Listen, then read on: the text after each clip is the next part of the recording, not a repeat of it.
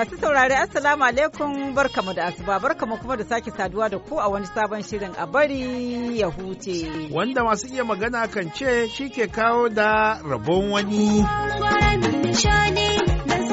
shi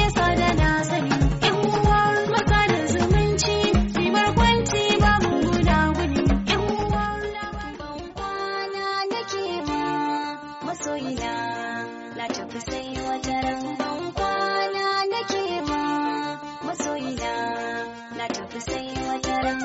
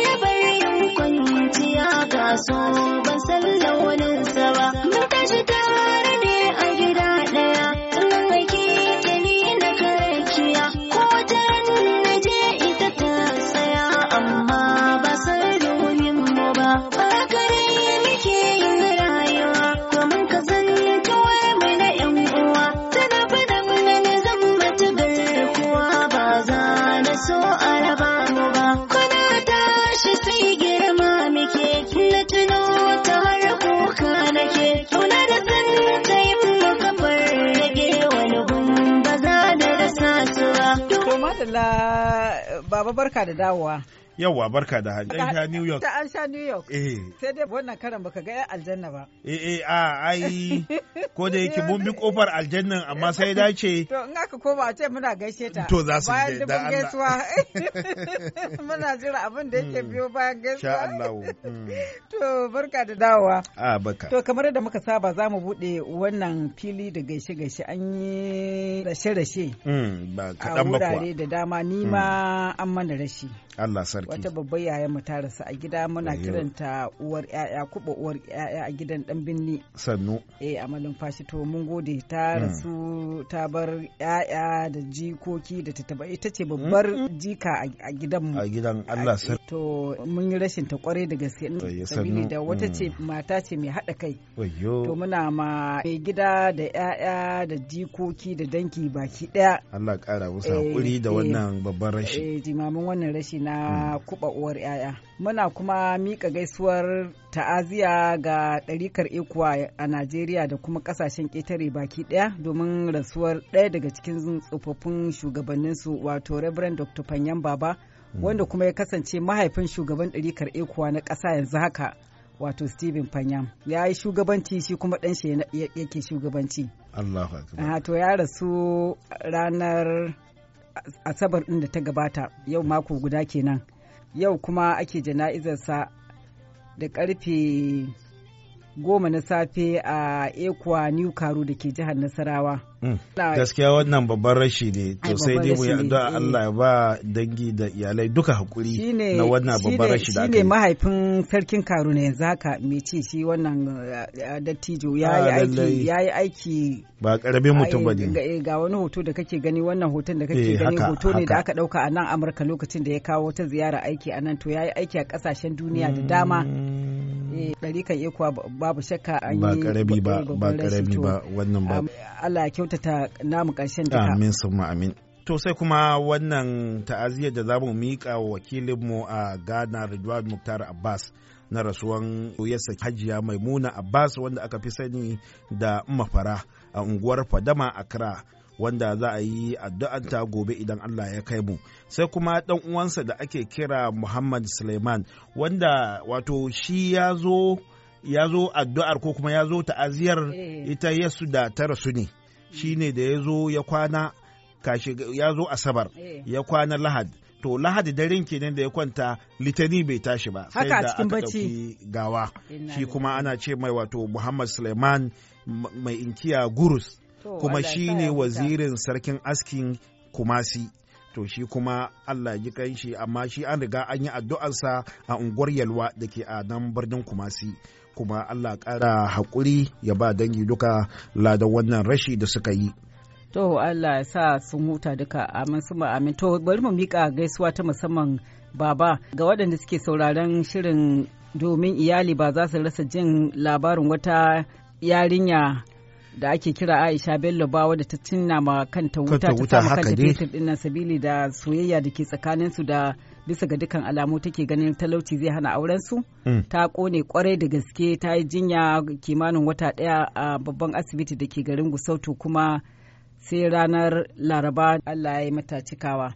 Mm. eh to muna mika gaisuwar ta'aziyya ta musamman ga dangi duka na Aisha Bello muna kuma madadin iyalin da suka aiko suna mika godiya ta musamman ga dukkan waɗanda suka taimaka domin sun samu sun ce sun samu gudunmuwa tun da suka ji labarin nan a shirin mu sun ce sun samu tallafi suna kuma mika godiya ta musamman ga 'yan jarida domin gudunmuwa da suka bayar. To muna fatan shi kuma wannan saurayi Allah zai zaba mashi abokiya zama mai dacewa. Amin. Allah ya Waɗanda ba kuma, shi eh, irin me soyayya ta gaskiya irin wancan da ta rasu. Kana Mm. kuma waɗanda suka yi alkawalin cewa idan yarinyar nan ta warke za su ɗaura musu aure. Muna fata za su ɗauki alkawalin nan. Wannan alkawali da suka yi za su cika shi.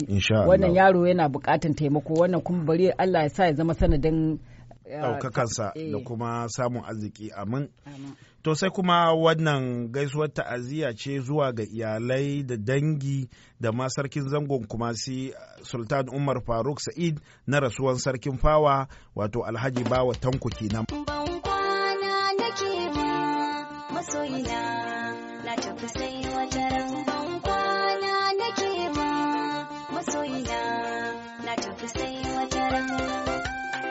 Muna miƙa gaisuwa da ban girma da fatan alheri zuwa ga sabon sarki na fawa wanda aka naɗa shi da ake kira Alhaji Muktar Ahmadu Bature wanda shine sabon sarkin fawa a birnin Kumasi ya ce yana godiya da duk mutanen da suka zo suka taya shi wato wannan bikin naɗi da aka yi musamman ma matasan zangon kumasi ƙarƙashin jagorancin Muhammad Awal Alasan mai lafiya ya ce yana gaida dukan jama'a da suka je.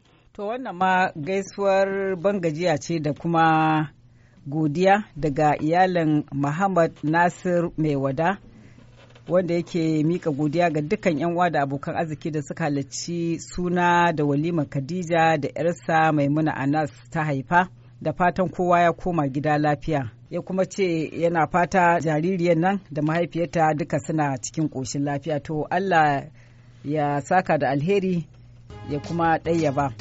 Amin. Mace ta gari sai gidan miji ta ta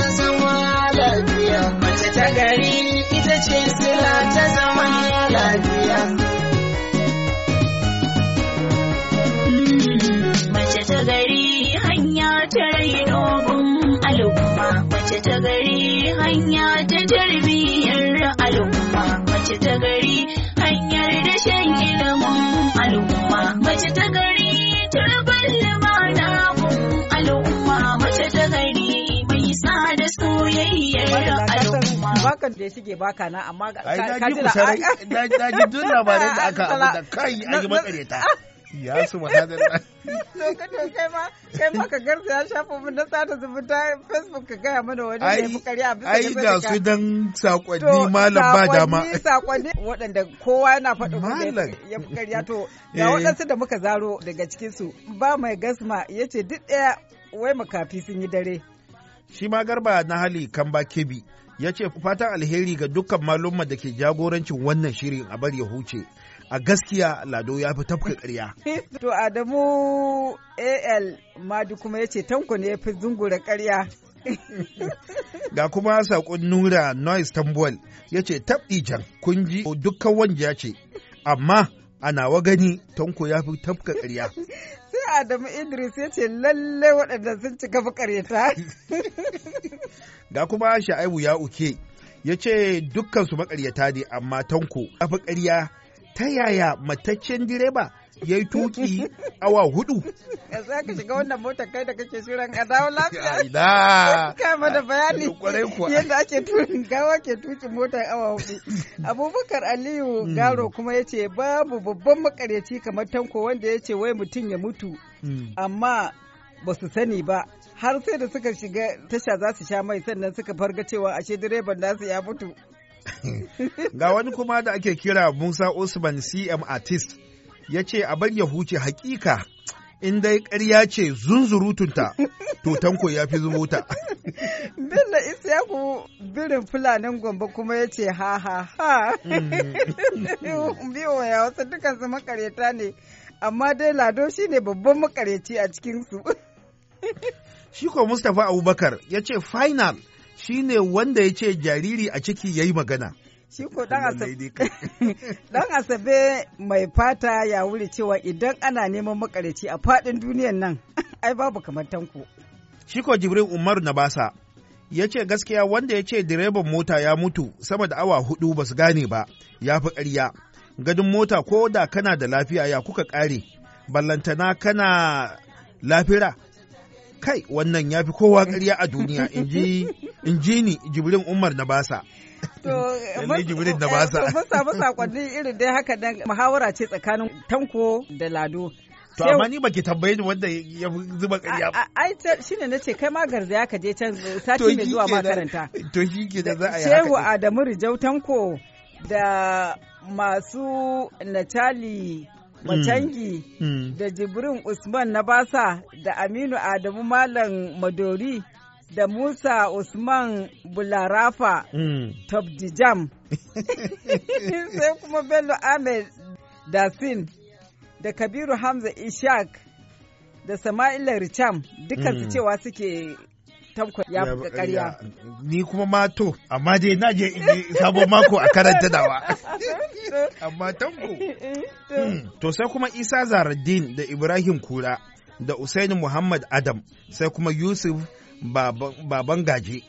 Su ma dai duk sun ba da ra'ayoyinsu akan wa ya fi ƙarya. kamar yadda muka faɗa ba- masu saurare idan kun sha wannan labari na yau ma za ku iya garzayawa shafinmu na sada zumunta facebook domin bayyana ra'ayoyinku kan labarin da za mu bayar a yau.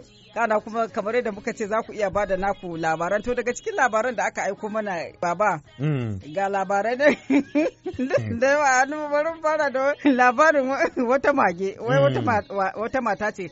Amarya to bari in ce amarya ce aka kasan ana kawo gara Eh. to ita wannan akwai ta da son dabbobi Allah sarki. to da kin gara ta sai aka haɗa mata da yar mage Yar mage na. kila gidan mijin da bera Lallai dai kan. Kin san mage na da amfani.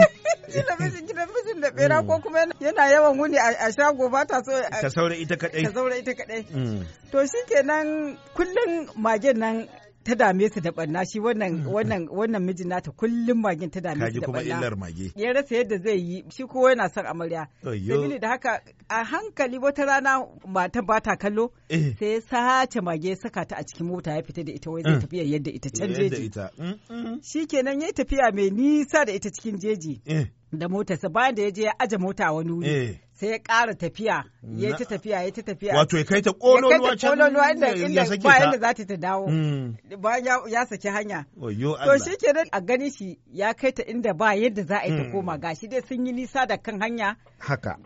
sun yi nisa da gida sai ya Mm. saki mage. Shi kenan ya kama hanya da yake nisa a jeji sai ya yi makuwa. Tun da safe yake neman yake neman hanya. Har Hanya inda ya la'asar- ajiye mota. inda ya aje mota. Har la'asar ta ya rasa inda ya aje mota. Sai shi kenan sai ya buga ma matar shi waya ya gaya mata ga halin da yake ciki ga abin da ya Eh. faru sai matan ta ce ai tun sawoyi biyu da suka wuce magi tuntuni ta dawo gida sai ya ce magi ta dawo gida ya ce ai magi ta dawo gida Wato mage ta batar da shi. Magi- magi ta fitar da shi ya ce Maimakon shi ya ɓadda mage. shi ke nan sai ya ce matan wai to ta miƙa ma magen nan waya Ai, kai, kai, kai. sai mun gana da ita ta nuna mishi yadda zai ya koma gida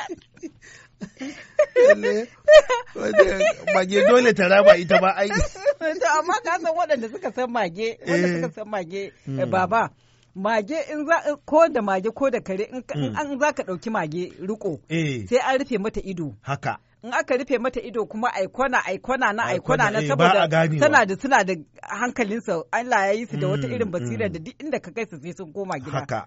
gomi nisan da suka sai sun koma gida shi ko dai da rabon zai sha wahala Eh, ƙwarai kuwa mag- mage ta ɓadda shi. magi ta bar da shi To sai wannan kuma labari, shi ake kira wannan labari sunan shi wakilin boge. to ba Wakilin boge.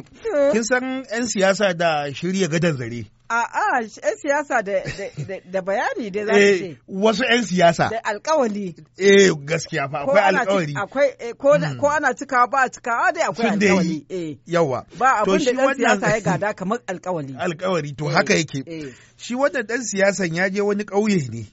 Yake wato zai gudanar da gangamin neman zaɓe. Yaƙin neman zaɓe. Eh, Kamar yadda aka saba lokacin yaƙin neman zaɓe kowane ɗan siyasa ya san ƙauye. ya san ƙauye Eh. yawa da ya je ya tuntuɓi su 'yan ƙauye ya ce me matsalolinku Mm, suka ce manyan matsalolinmu guda biyu ne kacal eh. ya ce to Wato idan ya hau, mulki ya- Kin ga ba wahala ba ne. Eh ba wahala ya san abin da zai musu. ya san abin da zai musu eh shi kenan eh. ta farko suka ce masa muna da asibiti amma ba mu da likita. Ba, ba likitoci a asibitin. Nan take kin san 'yan siyasa. Eh. yana son ya nuna musu isa. Shi yana da shi yana da abin da yana abin nan kamun Eh. kafa ya iya kamun kafa ko kuma ya san manya ko ya san mutane ko. nan take sai ya ɗauko waya ya fara bugawa. Mm. yana irin kika ga yadda yake mazurai malam yana gayi nan dai su ne 'yan gaban goshin shugaban ƙasa. Kenan. ba yana gamawa. Yana gama wayar sai ya ce musu gobe za a turo muku da likita Shikenan wato ya riga ya hada Ya- ya gama da wannan matsala. Wannan in dai wannan buƙatar ku ce an biya. an gama da Eh. wannan shi kenan sai ta sai tambaye su me matsalan ku ta biyu sai suka ce matsalan mu ta biyu babu network a garin mu baki ɗaya To shi ke- Shikenan an gama shi da ƙarya. ga an kama dan siyasa Dama ƙarya yake musu. wato gaba ɗaya Da- garin ba To network da ma an ga- musu ƙaryar nan suna kiranye. suna kira To baba sai kuma wannan eh, da gaske waɗanda suka aiko mana labarai a cikin shafinmu na sada zumunta na akwai wannan labari da ke cewa an yi hira da wani mutum da aka tambaye shi matanka nawa sai ya ce mata na huɗu. huɗu Hudu. lallai To sai aka ce mashi me ka fahimta a cikin auren mata huɗu? Kai me ka fahimta baba? eh to ni abin da na fahimta sai mazaje ne mazaje na ƙwarai kuma To shi kenan sai ya ce to ai mata huɗu kamar mutumin da yake mu'amala ne da kamfanonin jiragen sama da kuma kamfanonin sadarwa. ya ce waɗannan kamfanonin kullum cikin gasa suke wajen kyautatawa da kuma sauƙin canji kowa yana ƙoƙarin ya burge ka. kuwa daga rabasa Ana gasa, kowa suna gasa a tsakaninsu. To sai aka ce mishi to mai mata ɗaya fa. Sai ce mishi mai mata ɗaya kuma kamar mai mu'amala ne da kamfanin wutar lantarki. Ga yawan ɗauke wuta, ga tsadar bil, ga tartsatsiyar wayoyi da farfashewar transformer. Ho, ɗabba. Wannan shi awwala wani ɗaya ba a zai rahu. Tunda ba wanda za su yi gasa da su sai yadda suke so. Lallai dai kan. To- sai ya ce ya kuke ganin wannan magana tashi? Lallai dai kan. A tsakanin mata huɗu da mata ɗin na wane da ya fi jin jiki? Gaskiya. Tunda dai gu- guda hudun ma ai sai an ba su tukuna yi gasan. Kwarai kuwa. Sai sun samu yadda suke so. Eh, Wato kamar yadda muka bayyana za ku iya garzayawa sandaninmu na sada zumunta domin bayyana ra'ayoyinku kan labaran da muka bayar da kuma tambayar da za mu yi a wannan dandali idan Allah ya nuna mana mako mai zuwa za mu karanta waɗansu daga cikin bayanan naku da kuma labarai da kuke aikowa yanzu a madadin Baba ya ko makeri. alheri ke muku fata alheri da kuma fata Allah ba mu lafiya da zaman lafiya da kuma abin da lafiya za ta ci da alheri. Allahn dare da rana, Allah Ubangiji na, ka san